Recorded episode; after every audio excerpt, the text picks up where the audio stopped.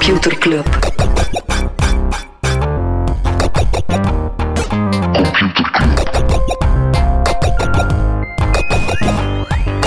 Computer Club. Hey Pieter-Jan, Hey Freddy. welkom. Welkom in Computerclub, een wekelijkse podcast over technologie. Normaal selecteren Smolly en ik iedere week een artikel en presenteren we een feitje, maar Smolly die zit in Silicon Valley, dus ik heb Pieter-Jan van Leemputten opgetrommeld. Welkom Pieter-Jan. Hoi hoi. Ja, wie is, wie is Pieter-Jan van Leemputten, voor mensen die dat niet weten? Goh, eh, ik denk vooral, ik ben techjournalist voor eh Datanews. Ja. Ik schrijf al 16 jaar intussen over technologie. Ehm, ik ben ook een zeven jaar op Twitter.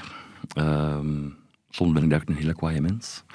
Ehm, maar diep van binnen ben ik gewoon een nerd die niet zoveel weet, maar graag dingen te weten komt. Oh, fantastisch. Denk, eh, poët, meest poëtische intro eh, dat we hier al gehad hebben. Kijk, Ja, kijk, dat krijgen we dan al meteen in de eerste minuut van de podcast. Nee, op zich, ja, Pieter Jan, al een paar keer vermeld in de podcast, volgt eh, zeker vanuit Datanews, hè, een van de, mag ik dat zeggen, weinige Vlaamse techjournalisten dat we hebben. Wel, ik was een paar afleveringen te herbeluisteren en Thomas zei ineens van, ja, de OG. Wat, wat? Nee, ik, ik ben ook maar gewoon een idioot die maar wat doet. Eh, ik beschouw mezelf zeker niet als de, de beste of de, misschien de luidste wel, maar ik, ik doe maar wat. En dat doe ik al bijna 40 jaar. Uh, voilà, kijk. Echte lage verwachtingen, schem, PJ. Eh, ja, dan kunt je ze Eh, halen. Bewuste tactiek, ja. Ja, Oké, oké, oké, Ja, ik zo'n indruk om je, eh, zo de, de neiging om je te grillen, maar dat ga ik niet doen. Nee, nee, doe maar. Nee, nee. ik Ik, hou doen. van kritiek en ik hou ook van eh, ja, de opmerking over eh, de metaverse van, van mijn titel. Ik begrijp die. Ik kan er geen commentaar op geven. Dus ik kan zeker tegen, ik kan zeker tegen kritiek, dan kan ik er net wel op antwoorden. Uit de weg. Maar bon, dus, we hebben hier niet, we hebben hier dus niet een techjournalist, de techjournalist, nee, een techjournalist voor ons. Dus we gaan twee dingen doen. We gaan eens ja, naar het afgelopen en komend technologiejaar gaan kijken, naar de grote thema's die gepasseerd zijn en, eh, wat PJ denkt dat het komend jaar allemaal gaat gebeuren. Maar dan gaan we zeker naar het einde wel even inzoomen op ja, techjournalisme in Vlaanderen of in België, want bij Computerclub kijken we misschien iets te makkelijk naar het buitenland. Ja, kijk, voilà, Smolly zit ook in het buitenland. Maar misschien missen we daar soms wel een beetje de Belgische engel. Dus ik ga straks Pieter Jan ook vragen hoe dat het hier op eigen bodem zit. Maar misschien, ja, bon, eh, year in review, PJ. Wat, was voor jou, wat waren voor jou de... Was het een Grand Cru jaar? Technologie, 2023? Voor een groot deel wel. En ik denk dat dat te, denken, te danken is aan eh, twee letters, of één bedrijf zelfs. eh, AI en dan specifiek OpenAI. Beter bekend voor ChatGPT, maar ik denk dat jullie luisteraars dat wel beter kennen dan ik zelfs. Ja. ja, dat heeft ons toch van ons sokken geblazen. Hè? Formeel is het van eind eh, 2022, denk ik, dat het is uitgekomen, november, denk ik. Maar zo mensen die niks met technologie doen, of daar amper iets van kennen, ineens zijn die daar wild van.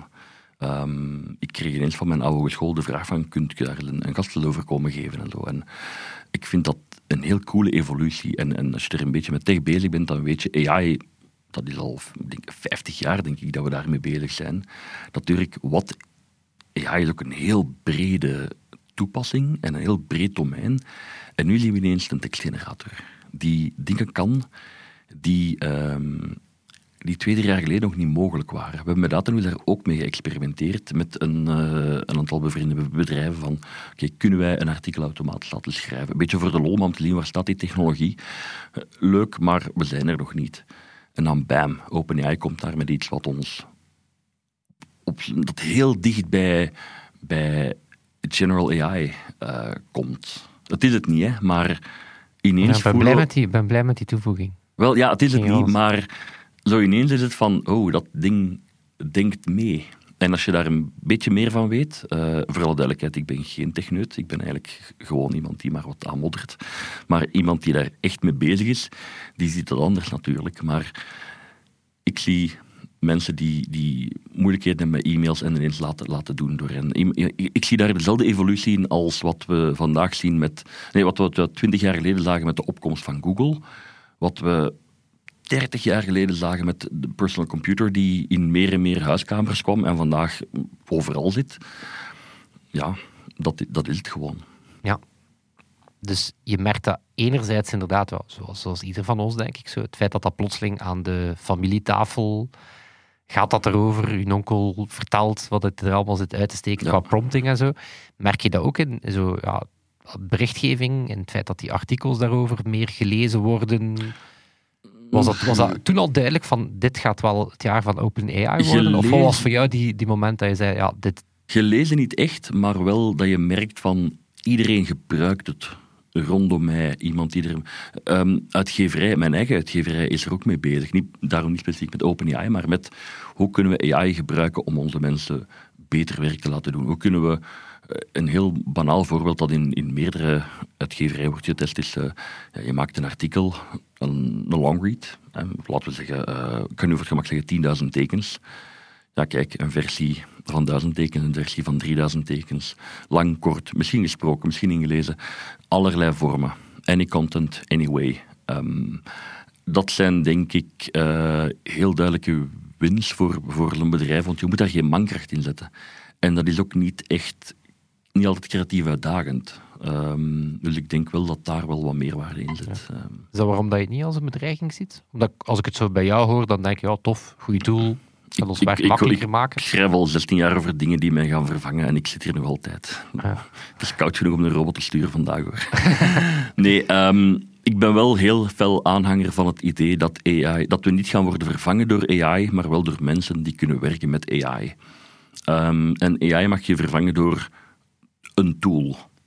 Als je in 3 à 94 zei, jongens, eh, Word en Excel, dat, dat, dat ga ik aan mij laten passeren, ik blijf wel in MS-DOS wat voeteren, dan heb je tegen, negen, had je tegen 99 geen job meer Ja, waarschijnlijk. idem, Eh, idem inderdaad met, ja, ik werk maar volledig zonder het internet. Ik geloof daar niet in. Ja, oké. ja, Begin kan dan eh, nog, maar na een het, tijdje... ge- het gebouw waar we hier in opnemen, iedereen die hier werkt, zou 25 jaar geleden geen job hebben gehad.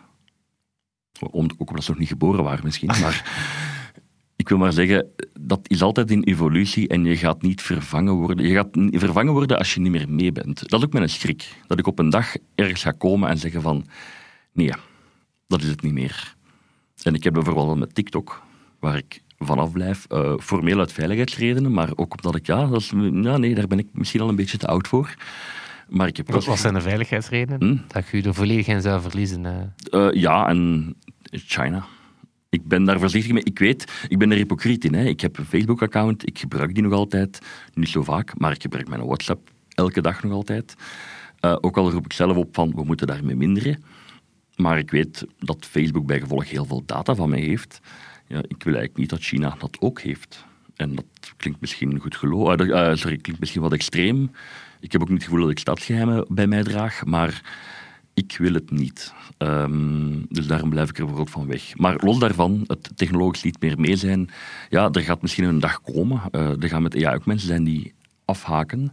Dus ik kan alleen maar aanraden van blijf, blijf een beetje curieus. Eh, het is de quote van Job zeker, stay hungry, stay foolish.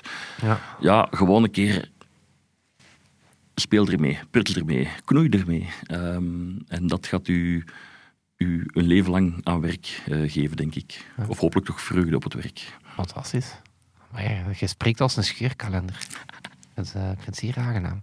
Even terug naar die Open AI. En dan, dan misschien eens kijken, wel, ja, wat was er nog in dat jaar, behalve Open AI? Want ja, bon, Ja, het heeft alles gedomineerd. het heeft alles gedomineerd. En maar ik zeg altijd het mopje van... Ik heb een paar keer gezegd van... Een paar jaar geleden was alles eh, connected en dan was alles smart en nu is alles AI.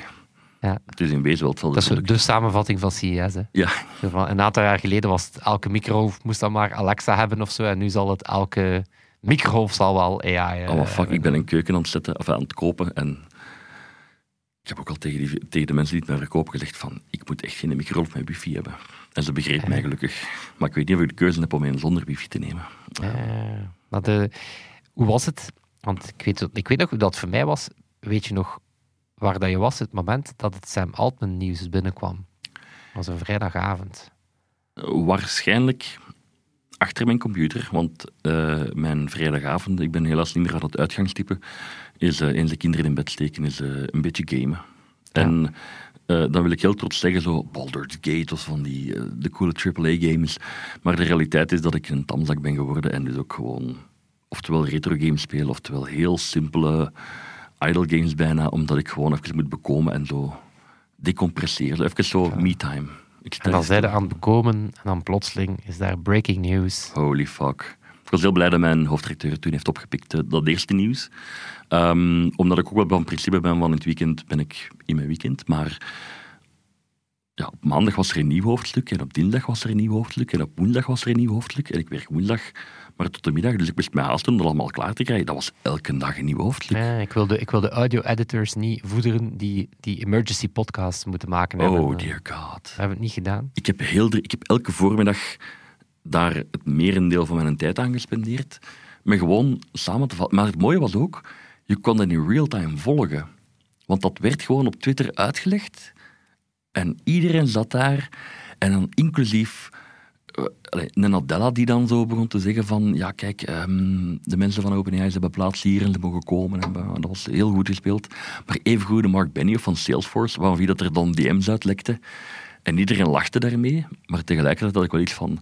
Ja, als er duizend man of 800 man aan AI-talent eh, mogelijk wil vertrekken, dan gaat je in iedereen zijn DM sliden om te zeggen van kom to our, eh, de dark side ga ik nu noemen, maar de, kom naar onze kant.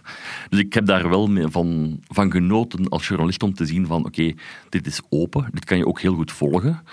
Ehm, het toont voor mij ook aan dat zo'n bedrijven, ja, dat daar ook groeipijnen zijn en moeilijkheden en ego's. Ook al is dat dan een, eh, meer een wetenschappelijk project, het aanvankelijk in de markt gezet. De moment dat daar de miljarden beginnen te komen, heeft iedereen wel zijn belangen. Dus ik vond dat een heel cool verhaal. Los van wat OpenAI is, of, zij, het- of het daar goed of slecht mee zal gaan op termijn, dat was gewoon een heel boeiend verhaal om te volgen. Ik vond dat heel ja, fijn. Een beetje ramptoerisme bijna, maar ook gewoon leerrijk op heel, op heel veel vlakken. Mag ik een brugje maken van binnen het ramptoerisme? Ik heb, dat, ik heb hetzelfde gevoel met, de, met wat er bij X aan het gebeuren is. Ik noem Oh. het zelf meestal gewoon Twitter. Is, ik vind dat gewoon zelden dat je een, een, ja, een dumpster fire zo voor je neus ziet. Maar blijft gaan, hè. En het Blijft gaan. blijft... Ik bedoel, ik weet niet welke rocket fuel dat Elon Musk erop gooit, maar dat is nu al... Maar dat vind ik ook zo'n mooie perfect storm op heel veel vlakken. Want dan moeten we eerlijk zeggen, we zijn al, al een jaar aan het zeggen van ah, we gaan naar Mastodon en we gaan naar Blue Sky en we gaan naar Threads en we gaan naar ons bommenhaarmarktplaats, weet ik veel. Nee, we blijven allemaal gewoon op Twitter. We blijven Twitter zeggen en we blijven er zitten. En een aantal mensen gaan vertrekken, terecht, hè, want daar is heel veel miserie, daar is heel, heel, heel veel toxiciteit. toxiciteit. Maar ik, ik merk hoe verslavend, hoe verslaafd ik daaraan ben. Ja. Ehm, ik merk dat nu met de feestdagen, een paar dagen minder, een paar dagen niet werken. Ehm, en dan, dan ben je daar niet meer op, zit er ook minder mensen op. In Lomer is dat ook. Maar zo september en januari komt dat ineens gewoon terug op gang. En dat is alles. Dat is privé, dat is werk. Dat is enerzijds horen wat er in San Francisco gebeurt, als Molly daar eh, nieuws heeft aan te kondigen. Eh, dat is evenzeer eh, ja, mensen die daar haar beklag doet. Dus ik vind dat wel een heel interessant medium als je van, van tekst, korte tekst houdt. Maar gaat dat ook niet tegenwoordig meer over Twitter? Ja. Ja, Op Twitter, over Twitter, over het Ja. einde van Twitter? Ja, maar dat vind ik dan ook weer zo jammer, hè? want dat was zo'n... Het is een beetje... nou, Dat is nooit een heel groot winstgevend platform geweest. Maar dan is Musk gekomen en die heeft het dan nog slechter gemaakt. En nu zijn we allemaal aan het klagen dat het vroeger beter was, terwijl het vroeger niet... Waren we ook aan het klagen. Dus ik, ik heb daar een heel moeilijke relatie mee met Twitter. Ik, ik, ik zit daar graag. Ik ben ook blij dat ik daar af en toe mijn ei kwijt kan. Al moet ik mij soms een beetje, eh, laten we zeggen... Ik denk soms van, ja kijk, van heel veel tweets denk ik soms, ik had mij misschien gewoon niet, kwaad, niet zo kwaad moeten maken. Maar ehm, ja, Volgens mij, volgens mij dat de samenvatting van elke tweet. ja ooit. misschien wel. Ja, ik had mij niet zo kwaad En niet van maken. u, hè? maar gewoon van elk tweet die Nee, maar dat is ook, van ik had dat mij is ook, misschien niet zo kwaad ook. mogen Het, maken. het is eh, debat in, in, in twee zinnen en dat is nooit goed. Ja. Eh, niet dat, we, dat iedereen zijn eigen podcast moet gaan opstarten, eh, maar ja, een keer met elkaar praten, eh, samen op café gaan, kan heel veel oplossen, denk ik, in de wereld. Ik ga nog een klein beetje op, eh, op Twitter blijven. Alleen niet echt. Maar je zei, moeilijke relatie. Wat is je relatie met Elon Musk? En ik vraag het dan ook enerzijds als persoon, maar ook als persoon die hem dan moet volgen, tussen aanhalingstekens. Ehm, ik, ik weet niet of ik hem nog volg, eigenlijk, eh, omdat hij als geen nieuws heeft. je, als journalist kan je er ook niet rond. Ik zal wel zien wat, wat... Ik zal het wel ergens lezen als hij het dat relevant is. Ehm, nee, ik, ik heb bewondering voor wat hij gedaan heeft, zijn volharding op zowel eh, met SpaceX als met Tesla als met de andere honderden en dingen die hij heeft gedaan. Anderzijds eh, ben ik absoluut ook van overtuigd dat die man eh, problemen heeft en problemen veroorzaakt omwille van zijn eigen ego, zijn geld en zijn fanbase. Als je constant van duizenden mensen te horen krijgt van ah, jij bent mijn god, dan gaat je dat geloven. En dan gaat je daar naar gedragen. Ehm, ik krijg ook graag een complimentje. Bij Elon Musk wordt die gewoon voorafgehoord door een aantal mensen. En dat is geen god. Ehm, ik, hij heeft iets wat uh, meerdere mensen op Twitter hebben, ik ook waarschijnlijk. Ehm, expertise in A is niet noodzakelijk expertise in B. Um, dat gaat op voor economen, dat gaat op voor techjournalisten, ik kan mezelf erbij noemen. Dat gaat op bij mensen die uh, kunnen ontwikkelen, dat gaat op voor mensen die heel goed zijn in communicatie. Ja, je talent in het ene is niet het talent in het andere. Uh, ik denk dat Xander de Rijken het in zijn, zijn heeft gezegd. Een goede influencer is daarom geen goede acteur. Ik denk dat dat voor Elon Musk gelijkaardig op Dat is al ongetwijfeld een genie, maar zelfs een genie kan niet alles aan en niet alles doen, of weet de juiste tone of voice, of heeft dit of dat. En daarom dat ik echt wel een probleem heb met hoe die man is en doet. En dan heb ik het toch niet eens over hoe hij het laatste jaar echt wel van padje is gegaan naar richting complottheorieën, uh, extreemrechtse beweringen en dergelijke. Dan denk ik van, nee jongens, dan, dan, dan ben je niet meer aan het lezen. Dan ben je gewoon je eigen fans aan het naroepen. En dat is wel een probleem voor iemand die geld en macht heeft, denk ik. Ja. Tot zover de vrolijke noot. Ja, maar, en, en merk je dat, dat je die ook anders gaat, dat die verslaggeving over hem verandert? Maar vroeger was hij inderdaad zo de ja, polariserende inventor type, en, en, maar het sprak tot de verbeelding. Ja, algemeen is dat wel veranderd, denk ik. Ik denk dat er, uh, laten we zeggen, Steve Jobs is ook een notoire klootzak geweest, maar dat is, allez, dat is gedocumenteerd geweest, ook door Walter Isaacson. Uh, heel fijne biografie ook. Maar je hebt wel van die man het idee van, ja, heeft het toch maar gedaan. Bij Musk, misschien omdat hij nog leeft, maar is dat heel anders. Um, en je merkt, die toon in de media is wel veranderd het laatste jaar, anderhalf jaar. Zeker sinds de overname van Twitter. Omdat we daar ook hebben gezien dat hij niet altijd een genie is. Het is ook gewoon soms een klein kind dat zijn zin wilde krijgen. Um, persoonlijk ben ik het Musk-nieuws uh, kotsbeu. Je hebt altijd van die cyclussen. Um, er zijn periodes geweest van één à twee jaar dat we elke dag heel veel over Facebook te schrijven hadden onbenullige dingen eerst, maar het was nieuw, hip en happening. Ja, dat hebben we dat gehad met... Cambridge Analytica, die tijden was het... Ja, ja maar evenzeer ooit over uh, Apple en Steve Jobs. Toen de bio van Jobs uitkwam, kwamen er zoveel weetjes uit. Ik denk, jongens, lees het boek dan gewoon. Eerste um, jaar ehm, van Tim Cook kan hij wel nog. Voilà, de Apple Watch die dan... Voilà. En je hebt er een aantal die er los over gaan. Ik zie hier het licht uitvallen. Oké. Okay. ook dat gebeurt. Oké, okay, goed. Uh, ik dacht er nog daar binnenkwam of zo, helaas. Um, Geen kaarsje, sorry PJ. Ik ben pas jarig geweest. nee, um, ik ben mijn draad even kwijt. Er zijn een aantal pieken en Musk is zo ook een piek die al een, een paar een jaar of twee blijft duren. En ik van, ja jongen, allez, ja, niet zozeer tegen Musk, maar we hebben er ook niet zoveel over te vertellen. Uh, belangrijke man, ook al valt hij morgen dood en blijkt zelf een scam te zijn, blijft belangrijke man in het technologielandschap. Uh, maar ik ben geen fan. En ja, het, de overdosis Musk-nieuws komt mij ook wel de oren uit. Ik, ik, heb dan veel liever over echt, ja, echt nieuws eigenlijk. Nieuwe innovaties, nieuwe dingen. Um, ik ga binnen twee jaar het wel zeggen over OpenAI trouwens. Ja, maar dat is het ding. Voor mij voelt Musk een beetje zo Trumpiaans bijna. Van ja, je moet daar wel ergens over bericht geven. Want bon, het is een invloedrijk figuur. Ja. En, en, je kan daar niet rond. Maar ergens moeten we op een gegeven moment ook misschien stoppen met zo... Musk zegt iets als nieuws te zien. Ja. En dan gewoon te wachten op... Oké, Musk doet iets. Of ja. en, en laat ons dat dan als nieuws zien. Maar zo... Ja, een voornemen of een brain fart hoeft daarom niet per se nee, een nee. Uh, en we doen in België zijn. ook met, met politieke verslaggeving. Of met sommige voetbalverslaggeving. Ik denk, ja jongens, ik snap het, maar heb je nu niks beters te doen? Um, waarmee ik ook niet altijd... Ik heb ook mijn dingetjes waar ik over schrijf, dat mensen misschien zeggen, oh, daar is hem weer. Maar bij Musk is het er echt een beetje over gegaan. En inderdaad, je moet het dekken, ehm, maar je moet ook niet alles doen. Ik ben heel blij dat we, als de Wall Street Journal schrijft dat eh, Musk aan, aan, aan verschillende drugs zit, ehm, dat we daar gewoon een Belga van kunnen pakken. Dat je daar niet te veel tijd in moet steken. Ik kan er ook niks aan toevoegen als journalist. Ehm, wat ik bij Facebook nog iets anders kan, daar ben ik, ik heb die paar jaar heel nauw gevolgd en heel veel de schandalen gedekt. Zeker na Cambridge Analytica.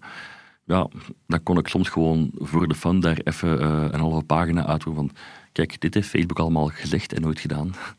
Daar heb ik mijn klein uh, ambetant van. Maar ja, bij Musk... Bij de ja, Musk-saga minder. kan je gewoon de boekjes lezen. En, eh, Die echt getekend zijn, niet gewoon gerenderd op de Nintendo 64. Ja. Ehm, ja, ik, en ik geloof dat die man innovatie in zich heeft. hè, en dat die man zijn bedrijven vooral innovatie in zich hebben. Maar het wordt zodanig overspoeld door Musk en het ego, dat ook dat begint een beetje in de schaduw te vallen. En dat vind ik jammer. Want uiteindelijk, het gaat mij niet om de schoone ogen van Elon Musk. Eh, ik heb hem één keer van ver ontmoet.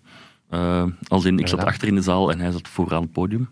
dat telt als een ontmoeting. Oh, voilà, oké. toch dichter dan dat ik ooit geraakt ben. eh. Ik, ik schat 50 meter dat ik er vandaan zat. Ehm, boeiend verhaal hè, over hoe ze bijna failliet waren en dergelijke. Maar ja, vandaag is de, de weinige adoratie die ik had weg. Ja, maar ik denk dat die, ik denk dat die persoonlijke cult- cultus, wat hem zeer ver heeft gebracht, ook Tesla zeer ver heeft gebracht, marketinggewijs enzovoort, ik denk dat dat zich dat dat, dat, dat gekanteld is. Ik denk dat er Ja, nu meer ja. imago-schade komt van zijn Ja, ja. ego dan, dan dat het in de tijd ik moet zeggen, je hebt ook wel mensen als Musk nodig gehad om dat een boost te geven.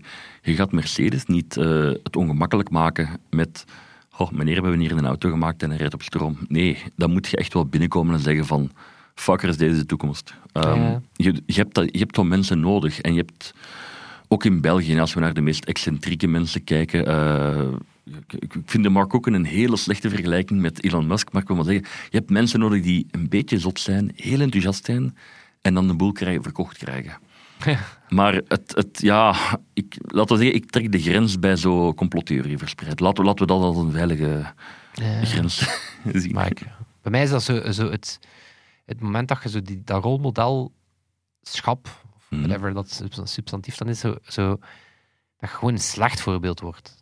Wanneer dat je echt zo mensen aanvalt of zo Ja, beledigen Ja. om te beledigen, dan denk ik zo, weet je, je kunt discussiëren, je kunt eh, gepolariseerd zijn, ey, een, een, een, mhm. een uitspraak doen, maar zo gewoon trappen om te trappen, dan denk ik zo, Ja. ja man. En, en dat is dan weer op, op Twitter het nadeel ook. Je kunt daar, als je iemand bent met veel volgers en veel aanzien, kun je echt met letterlijk één tweetje iemand kapot maken. Hè. Ik heb het ooit gehad met een, een populair politicus die ik eens een keer eh, van antwoord had gediend. En hij retweet mij en zo wat me verontwaardigd. En ik zeg het, politicus in België, dus niet die schaal van Elon Musk. Hè. Ik heb mijn telefoon twee dagen moeten neerleggen. Ehm, want het, er kwam alleen maar stront uit. Ehm, ik kwam daar beter tegen, ik ben een grote jongen. Maar als een Elon Musk dat doet, holy fuck. Ik denk, je wordt niet gewoon op Twitter aangesproken, ze staan aan je. Ja. Dus een, een welverdiende tip, maak nooit ergens je adres online bekend, want je moet maar eens tegen de schenen van eh, God stampen. Misschien nog even in, terugkijken naar 2023. Dus ja, OpenAI, X. Je hebt ook al China, denk ik, een stukje genoemd. Was zo'n verhaal dat dan in de schaduw daarvan misschien wat onder, onderbelicht geweest is? Eh, wacht, afgelopen jaar. Ja, van het afgelopen eentje dat, jaar. ik, ehm, dat we denk, als enige in België denk, hebben gebracht. Ehm, en, en dat ik ook een beetje moeilijk vond, is heel het EIDAS-verhaal. Ehm, heel veel mensen gaan nu zeggen van, wat? Wat? Ja, eh, dat had ik Mezelf ook. in kluis. Had ja, ik ook. kijk. In kort, de Europese wetgeving rond de digitale portefeuille. En de mensen die nog niet in slaap zijn gevallen nu, dat is eigenlijk een, vergelijkbaar met uw, ja, uw digitale identiteitskaart, rijbewijs en dergelijke op uw gsm of wat dan ook ergens digitaal. Maar dat die dan ook netjes compatibel zijn met hetzelfde systeem in, Spanje of in Portugal of in ehm, Zwe- Zweden, de Europese Unie. Bijvoorbeeld, je huurt een auto voor je vakantie. Je ehm, moet daar je ID sturen, je rijbewijs. Je kunt het allemaal op voorhand doen. Ehm, maar wat was er aan de hand? Ik krijg daarover een mailtje van eh, Bart Preneel, prof van de KU Leuven, ehm, die ik al een paar jaar ken. En ja, dat, is een wereldautoriteit. Die heeft standaarden rond encryptie ontwikkeld en zo. Allee. Niet, niet de, de eerste beste zeveraar. En die zegt van ja, dat zit aardig in die wetgeving. Ehm, als je die wettekst bekijkt, dan kunnen lidstaten hun eigen certificaten uh, pushen naar browsers. En dat wil eigenlijk zeggen dat zij zo, ik ga nu heel kort door de bocht, uh, jouw internetverkeer kunnen onderscheppen. Uh, dat is een heel complex verhaal geweest om, om te brengen. Uh, ik heb aan Pernil ook meermaals gevraagd, kun je het mij echt nog eens uitleggen alsof ik uh, een kind van vijf ben? Ja, uh, dan een kind van vier, drie. Ja, voilà, dat is nog altijd moeilijk. Ja, maar dat, is, dat is het nadeel. Hè, uh... um, want dat, dat is dan eigenlijk van, als ik ben techjournalist, ik heb ook maar gewoon een masterjournalistiek. Dus ik heb geen... Ik heb nooit als IT'er gewerkt. Ik heb, ik heb ook dat diploma niet, laat staan de skills. Um, dus... Ja, maar dat is wel een voordeel op zich. Hè?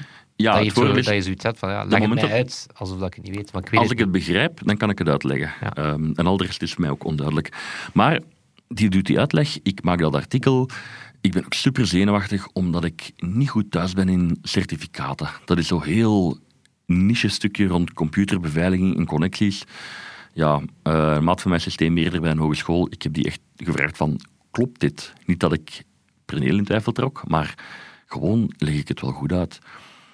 En dan was persconferentie van de Europese Unie, uh, van de Europese Commissie. En die zeggen vlak af van, ja, maar we hebben bekeken, die open brief, um, en er is geen probleem. En dan moest ik zo braafjes gaan zeggen van, ja, uh, de prof van de KU Leuven zegt van wel, meneer. En die wist nog niet goed wat er moest gezegd worden. Er is niks veranderd. Maar Europa zegt daar, uh, ik ben een beetje aan het afwijken, van, um, ja, um, het is niet bedoeld om af te luisteren. En daar heb ik, als we het een beetje opentrekken, wel schrik van ja, het is niet zo bedoeld, maar ik weet niet welke regering er aan de macht gaat zijn in 2025 of in 2030. En een wet verandert je niet op 10 minuten. Dus als daarin staat dat je in theorie met wat interpretatie mensen mag afluisteren, en dat je het ook zelf niet gaat weten, dan begin ik wel een beetje schrik te krijgen. Um, en ik geloof dat, dat de Europese Commissie niet die bedoeling heeft, maar dan hoor je wel dat uh, er landen zijn geweest die zo'n techniek hebben toegepast. En je denkt dan heel vaak aan Iran, China, India of Frankrijk. Frankrijk is een land dat dat ooit heeft gedaan, blijkbaar. En dan ben ik een beetje uh, ja, ongemakkelijk. En ik weet dat er dingen nodig zijn om terrorisme tegen te gaan, om, om ja, allerlei criminaliteit. Maar ja, maar dat ze de, dat ze de dooddoener in dat soort debatten. Ja. Dat ik ze zelf ook een enorme voorstander ben van ja, end-to-end encryption. Ja. Dat is ook zo'n moeilijke om uit te leggen. Dat, dat, dat is de moeilijke om uit te leggen dat dat... Want dan gaan de overheden natuurlijk zeggen, ja, maar willen we dan niks doen aan... Kinderporno. Kinderporno. En dan zeg je, natuurlijk willen we daar iets aan doen. Maar het is heel moeilijk om uit te leggen waarom dat, ja, dat je niet... Ja, zoals ze dat zeggen, zo, je kan geen privacy hebben enkel voor de goeie. Ja. Of je kan geen achterpootjes inbouwen, enkel zodat de politie dat dan kan. Ja, het is, het is alles nee, of niks. En... Ik word daar heel kwaad van. Um, zeker als dan het argument kinderporno wordt gebruikt. Um, uh, uh, seksueel, beelden van seksueel misbruik moeten we eigenlijk vandaag zeggen. Ja, um, vooral omdat dat, ja, je hebt daar geen antwoord op. Natuurlijk. Ik heb zelf twee kinderen. Ik wou, wel, al daarvoor was ik ook al tegen dat soort Ja. beelden, voor alle duidelijkheid. Maar natuurlijk is dat verschrikkelijk. Uh, maar als ik heel gemeen mag zijn, als we morgen alles open doen, hè, zal dat nog altijd gebeuren. Het, ja, sorry, hoe jammer je het ook vindt, hè, maar daar staat niet tegenover dat we al onze privacy moeten opgeven. Want het zijn twee dingen die alle twee belangrijk zijn, maar het ene is niet beter dan het andere. Um, en ik vind dat we daar wel ook in gedachten mogen houden dat technologie veel meer kan. Sowieso in de jaren nadien ook wel. Um, en poortjes die we openzetten, dat die nooit meer dicht gaan. Ja. Dat, dat, is een beetje like piraterij. Je kan één exemplaar van een, een, spel bijvoorbeeld uitlekken, of van een nummer of van een, van een film. Ja, de fles is open, het is weg. En dat is met encryptie een beetje vergelijkbaar. Van ja, kijk, je kan niet zeggen soms wel. Um, en merk je dat dat soort, uh, dat soort artikels, wanneer dat je het dan inderdaad hebt rond wetgeving Mhm. mm -hmm. of rond, uh, rond uh, beveiliging en zo, scoort dat dan minder goed of, of valt dat nog wat mee? Omdat nee, ik twijfel um, daar soms over met Computerclub ook, omdat dat is een thema dat ik zelf super belangrijk vind. Ja. dan denk ik zo van, ja, boeit dit mens wel? Dat boeit, maar dat is een niche publiek. Um, omdat heel veel mensen niet hun dagelijkse wereld is. Um, heel eerlijk, als ik wil scoren met, met artikels, dan moet je gewoon heel ja, sensationeel niet zozeer, maar dan gaat het over dit kan de nieuwe iPhone. Ja. Eh, een van de best gelezen artikels uh, afgelopen jaar bij Datum is niet eens een artikel van ons, uh, van ons zustermagazine, um, waarom je een laptop uit je rugzak moet halen. Ik zou dat nooit geschreven hebben zelf, um, maar dat boeit mensen. Dat boeit mij ook, ik heb het ook gelezen. Waarom moet je je laptop Ik weet het al niet meer, sorry. ik weet het al niet meer, er was een reden voor, maar ik denk dat het te maken heeft met de stralen en, en wat dat je kan zien. Maar sorry. maar dat heeft wel een publiek. En, en praten over privacy, over security. Ik, op dat vlak ben ik de laatste jaren ook iets meer mee gaan richten op, op niche-onderwerpen. Um, de nieuwste Samsung of de nieuwste OnePlus boeit mij een beetje. Is ook gewoon minder boeiend. Hè? Allee. Ik, ik ben jarenlang van een wc weggebleven omdat ik vond dat die markt te volwassen was. En we hebben het gehad. Ik ben vorig jaar terug geweest. Ik heb tegen mijn maas gezegd van ik wil eigenlijk puur gaan voor achtergrondverhalen. Ik wil eens horen hoe het zit met wat komt er na 5G. Ik wil eens horen hoe het zit met uh, integratoren en hoe ze met dat of dat omgaan. De, de saaiere verhalen eigenlijk, maar waar een kleiner deel van mijn lezers veel meer aan heeft. Ik kan geen meerwaarde geven met iets te zeggen over de nieuwe smartphone van eender wat, want er zijn vloggers die het honderd keer beter doen. Uh, er zijn podcasters die het beter doen en schrijvenjournalisten die daar al zitten, die het misschien al hebben getest, die misschien al lekken hebben gehad. Daar kan ik vanuit. Vlaanderen niet tegenop. Uh, waarom zou ik er mijn energie in steken? Ik vind dat geen slechte producten, maar je moet, als je iets doet, probeer dan af en toe wel het verschil te maken. Um, dus ja. ik ga dan voor uh, moeilijker, maar hopelijk leuker voor een aantal mensen. Waar ga je het uh, komende jaar, waar denk je dat je het komende jaar meer gaat over schrijven? Na de terugblik, de vooruitblik, wat, op, denk je? Opnieuw AI, denk ik. Um, ik verwacht een aantal onthullingen. Ik ga even spieken op mijn eigen uh, notas hier. Um, quantum computing. Dat is zoiets heel obscuur, waar ik ook niet helemaal kan zeggen wat het is. Ik weet, je had vroeger een 1 en een 0 en nu heb je nog een, een maybe. Um, maar dat is heel geleidelijk aan aan het evolueren. We hebben daar nog altijd geen heel nuttige toepassingen voor. Maar dat is een nieuwe manier van computing. Waar we ook als maatschappij al heel ook jaren mee bezig zijn. Maar dat begint nu langzaam tastbaarder te worden. Die qubits, de rekenkracht begint toe te nemen. En op een gegeven moment gaan de grote techbedrijven der aarde, uh, IBM is een van die, die voorlopers daarop, zeggen van, en nu hebben we iets. En dan gaan we net zoals met OpenAI ineens een shift zien waarvan we denken van, holy fuck. Ja. Dus ik ben daar wel benieuwd voor. Ik weet niet of het 2024 zal zijn, maar we gaan dat hebben. En het andere, wat er een beetje op aansluit, was um, een artikel van vorige week. Heeft ook heel weinig met IT nog te maken, maar Microsoft heeft samen met een uh, onderzoeksinstelling uh, een nieuw soort mogelijk batterijtype ontdekt door met AI allerlei stoffen ja, virtueel te simuleren en te zien wat geeft dat, hoe is die geleiding en dergelijke. Zijn ze van 32 miljoen naar 100, uh, ja, de cijfers uh, ontslapt me, maar naar zoveel duizend, naar, uiteindelijk naar 800, naar 150, naar 23, naar 18 mogelijke combinaties gegaan. Dat bespaart wetenschappers jaren onderzoekswerk. En dat ook altijd zien van, werkt het, werkt het niet. Maar dan denk je van, oh, dit is een heel andere AI-toepassing, waarbij dat je gewoon je trial and error gaat te versnellen bijna. Um, ja, daar gaan we heel coole shit van mee zien. Zo AI op plaatsen waarvan we het niet meteen denken, of niet meteen dat dat buiten ons dagelijks leven zit, Ja. maar dat ineens voor innovatie gaat zorgen. Denk, denk ik altijd gehoord dat zo, ik, ik weet niet meer wie dat het ooit zei, maar zo het, een van de technologieën die wereldwijd, als er nog eens een doorbraak komt, batterijtechnologie. Die zegt van, eigenlijk, eigenlijk zijn we daar al Ja. redelijk aan het plafonneren en het moment dat we daar een fundamentele doorbraak hebben, dus niet meer met de bestaande lithiums enzovoort, maar zo het moment dat er daar echt iets De nieuws gaat 10, de komen, maal 100. Ja. dan gaan we onder andere in ons eh, klimaatvraagstuk Ja. enzovoort, zo rond energieopslag, Ja. daar gaan we iets gaan krijgen. eh. Maar evenzeer rond eh, in de ruimte leven of op andere planeten leven, dat, dat zie ik dan ook. Want nu denk ik ook van, als Musk zijn wilde plannen, maar ja, dan wordt het ook al tastbaarder. ik, ik denk, ehm, ja, Dat, Ja. dat, eh, ik heb daar één bedenking bij. Ik heb een aantal jaar geleden zelf een stuk geschreven met eh, Waar blijft die superbatterij? Omdat ik ook al jaren schreef over ah, nieuwe batterij ontdekt, nieuw type dit, nieuw type dat. Berichten die je heel vaak ziet passeren en die dan een stille dood sterven. Eh, een van mijn, mijn pet peeves is dan, ik ga een aantal jaren later eens kijken van, en, en hoe zit het daar nu mee? Is dat iets geworden? Ehm, en vaak is het antwoord nee. Maar toen heb ik met een prof van de KU Leuven gesproken ook, eh, of, of een onderwijskundige, zijn naam ontsnapt mij nu even, die ehm, toen ik zei van ja, er zit echt wel heel veel tussen. Ehm, een labo-ontdekking, dat dan testen, blijven testen, blijven testen. Maar ook een commercieel product hebben. Daar funding voor vinden.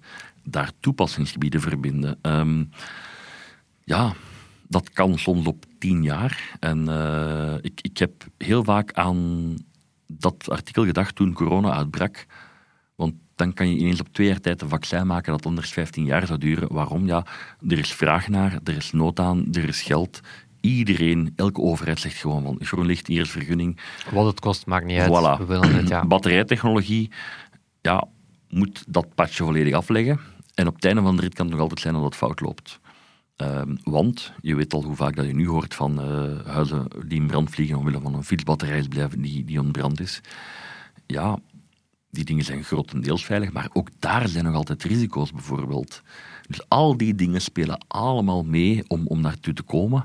Dus ik hoop het van harte, hè, maar ik weet dat er gewoon heel veel obstakels zijn tussen geniaal idee, geniaal product en iets wat van mensen een miljardair gaat maken. Cool. Wat denkt u dat er nog het, eh, het nieuws gaat domineren het komende jaar? Eh, wacht even, hè. we hebben quantum computing gehad. Hebben- ik, ik denk, eh ja, chipart sowieso. Dat, eh, daar zijn we al een tijdje mee bezig. Maar dat heeft meer te maken met economische belangen in China. China versus VS. Dus ik weet niet of ik daar... Ik heb daar heel weinig mening over. Omdat ik ook niet zo goed weet... Maar ik ben helaas geen diplomaat. eh of ik nee, geen is- diplomaat. maar is like dat je zegt, hè, je hebt chips, hebt de technologische component, super interessant, cool. En dan heb je gewoon chips, ja, basically zoals olie, als een eh, Ja. geopolitieke chip op Dat- de tafel. Hè. Is ook iets, ja. En het valt mij wel op hoe dat, dat dat, dan... is niet meer het, dat is niet meer de realm van een techjournalist ook. Hè. Nee, nee, dat, boeit mij ook minder, omdat dat politieke beslissingen zijn ja. waar ik niks over kan uitleggen. En vaak ook niks van begrijp. Ik bedoel, de, de duizend lagen in Amerikaanse politiek, ik volg het in grote lijnen, maar niet tot in detail. Ja. Ehm, ik vind dat wel interessant om te zien hoe dat, dat op heel veel plekken ehm, impact heeft. Eh, een, een, vriend van mij werkt bij een chipbedrijf, een Nederlands bedrijf in Chinese handen. Die maken letterlijk chips voor hun schakelaars en zo. Heel low-tech. En van ja, wij moeten ook daarmee bezig zijn. Ook al zijn wij geopolitiek helemaal niet interessant. Dus dat komt op zoveel plekken. Eh, heel de hetze tegen Huawei, dat is begonnen ergens rond 2010, 2011, denk ik. Ik kan er jaar twee naast zitten. Ja, het heeft er nog tien jaar geduurd voordat dat tot wetgeving kwam. denk ik van, het gaat nu niet om technologie. Als morgen blijkt dat die dingen in brand vliegen, dan kost het u twee weken om alles te bannen. Ehm, nu is het gewoon een drukkingsmiddel. Waardoor ik mij ook afvraag van, heb je bewijzen of heb je, ver- heb je vermoedens die als feit aan het verkopen zijn? Dat vraag ik mij altijd af.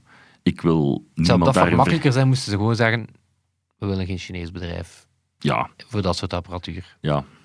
Punt. En dan, Voilà. dan zou ik het nog altijd ergens kunnen snappen. Het is een stelling. Maar de veiligheid. Somebody think of the children. Ja. Ehm, en zo, zo komen we met alles terug. Hè. Privacy van hetzelfde. Dat vind ik trouwens met, die, met Europa, dat vind ik zo storend aan Hm. Europa, is dat zo, ergens ben ik wel fan van de DSA, de DMA, de AI-act Het is goed dat we in Europa zo'n wetgeving zelf hebben. Ik, ik, ik, vind- de principes interessant, maar dan, dan merk ik dat ze keer op keer niet van toepassing zijn voor de Europese Unie zelf. Ja, dat wel. Dus en dat dat vind ik een hele sneaky one. Zo, oh, Met we gaan big tech aanpakken. ook. We gaan je- big tech aanpakken, maar zelf Niet voor we ons, natuurlijk ja. wel nog net iets meer. En altijd die uitzonderingetjes. En dat vind ik ook jammer, want ik geloof wel dat we in Europa ook heel veel coole dingen hebben. Het is een beetje meer versnipperd landschap, maar ja, het is inderdaad zo dat het meer wordt gebruikt om Chinese en Amerikaanse bedrijven eruit te houden of het ook moeilijker te maken. En dat vind ik wel jammer, want die innovaties zijn ook veel waard. Natuurlijk wil ik ook graag in een maatschappij leven waarin wij niet netto alles afdragen aan eh, Chinese of Amerikaanse bedrijven. Ik begrijp dat dat economisch ook nodig is. Maar we hebben dat wel, hè. Ik bedoel, als je gewoon naar Leuven rijdt en wat dat IMEC daaraan doet, is onderzoeksinstelling, dat is een van de belangrijkste chip-entiteiten ter wereld. Rij 150 kilometer verder naar Eindhoven, ASML. De belangrijkste machinebouwer voor chips zit daar. Dus we kunnen dat wel. We hebben dat wel. Ehm, ik ben op dat vlak ook blij dat bijvoorbeeld een, bedrijf als Proximus veel meer terug naar het buitenland kijkt. Daar zit, je kan daar kritiek hebben op dat bedrijf, maar daar zit kennis, expertise en middelen om Europees of wereldwijd een rol te spelen. Ehm, en dan komt die wetgeving. En... Maar opnieuw, ik ben geen politicus, ik moet ze niet maken. Ehm, ik begrijp ook dat dat stand komt na meerdere consensussen. Um, het leven is gemakkelijk als je dictator bent, maar dat zijn we gelukkig, daar leven we gelukkig nog niet in. Ja. Je had het al over uh, Leuven en zo. Dat is misschien nog een vraag dat ik voor jou had. Dus wij volgen op zich, ja, technisch natuurlijk ook. Maar ik moet bij mezelf toegeven dat ik dan heel snel ja, bij Bloomberg en bij de, de grote ja, tech-reporters Ja. uitkom. En misschien een beetje een blindspot heb op onze lokale, lokale markt. Ik ook. Nee, ehm, Nee, ik, ik vind wel dat jij... Wat zijn, wat zijn zo dingen dat je zegt van ja, bon, daar, daar schrijven we misschien met z'n allen niet genoeg over. Of zo. Ik, ik denk dat we het. ehm, ik heb het gevoel, maar ik, ik benadruk gevoel, dat het in België het ene of het andere is altijd. Oftewel is het, ja, het zal toch niet zo wauw zijn. Oftewel zijn het superlatieven van je welste, omdat de journalist die het afnam geen techjournalist is. Eh, opnieuw, geen verwijt. Eh, als je mij mode laat schrijven, geloof me, dat gaat niet het beste artikel zijn. Ehm, en omgekeerd, ja, zo, zo, het, het maar iemand die het goed kan uitleggen, kan ineens eh, het achtste wereldwonder zijn. En iemand die het niet goed uitlegt, kan dan ineens, ja, het zal wel zijn. En dan ga ik een, een aantal voorbeelden, denk ik. Ehm, nee, een voorbeeld dat niet zo is, is bijvoorbeeld eh, wat we nu zien met alle hype rond, rond Baldur's Gate bijvoorbeeld. Denk van, oké, daar, dat is duidelijk. Dat is een, een Belgisch bedrijf dat een heel mooie titel heeft gemaakt, dat echt succes aan het winnen is. Ze hebben niet gewoon een, een flut awardje eh, opgeklopt. Nee, nee, dat zijn de Game Awards die ze gewonnen hebben, gedomineerd hebben. Ehm een voorbeeld daarvan. Eh, anderzijds, ja, denk ik, als we dan, ja, sorry, mijn verhaal is een beetje eh, door elkaar. Maar ik wil wel zeggen, dat is een beetje mijn gevoel van, ja, ehm, het, het mag allemaal iets nuchterder en concreter. En ik heb nog altijd het gevoel dat sommige mensen nog altijd schrik hebben om over technologie te praten of over te schrijven. Eh, we hebben nogthans een aantal heel goede techjournalisten in België. Ehm, ik ben er gelukkig niet alleen in. Ik ben ook niet de beste, vind ik zelf. Maar Wie is de beste? dan ik van over wat het gaat. Eh, ik heb, ik heb een aantal, om een aantal mensen top of mind te noemen, maar ik denk bijvoorbeeld bij HLN zit, zit Kennedy al een paar jaar, die doet dat goed. Dat is een beest. Dat is een halve zot.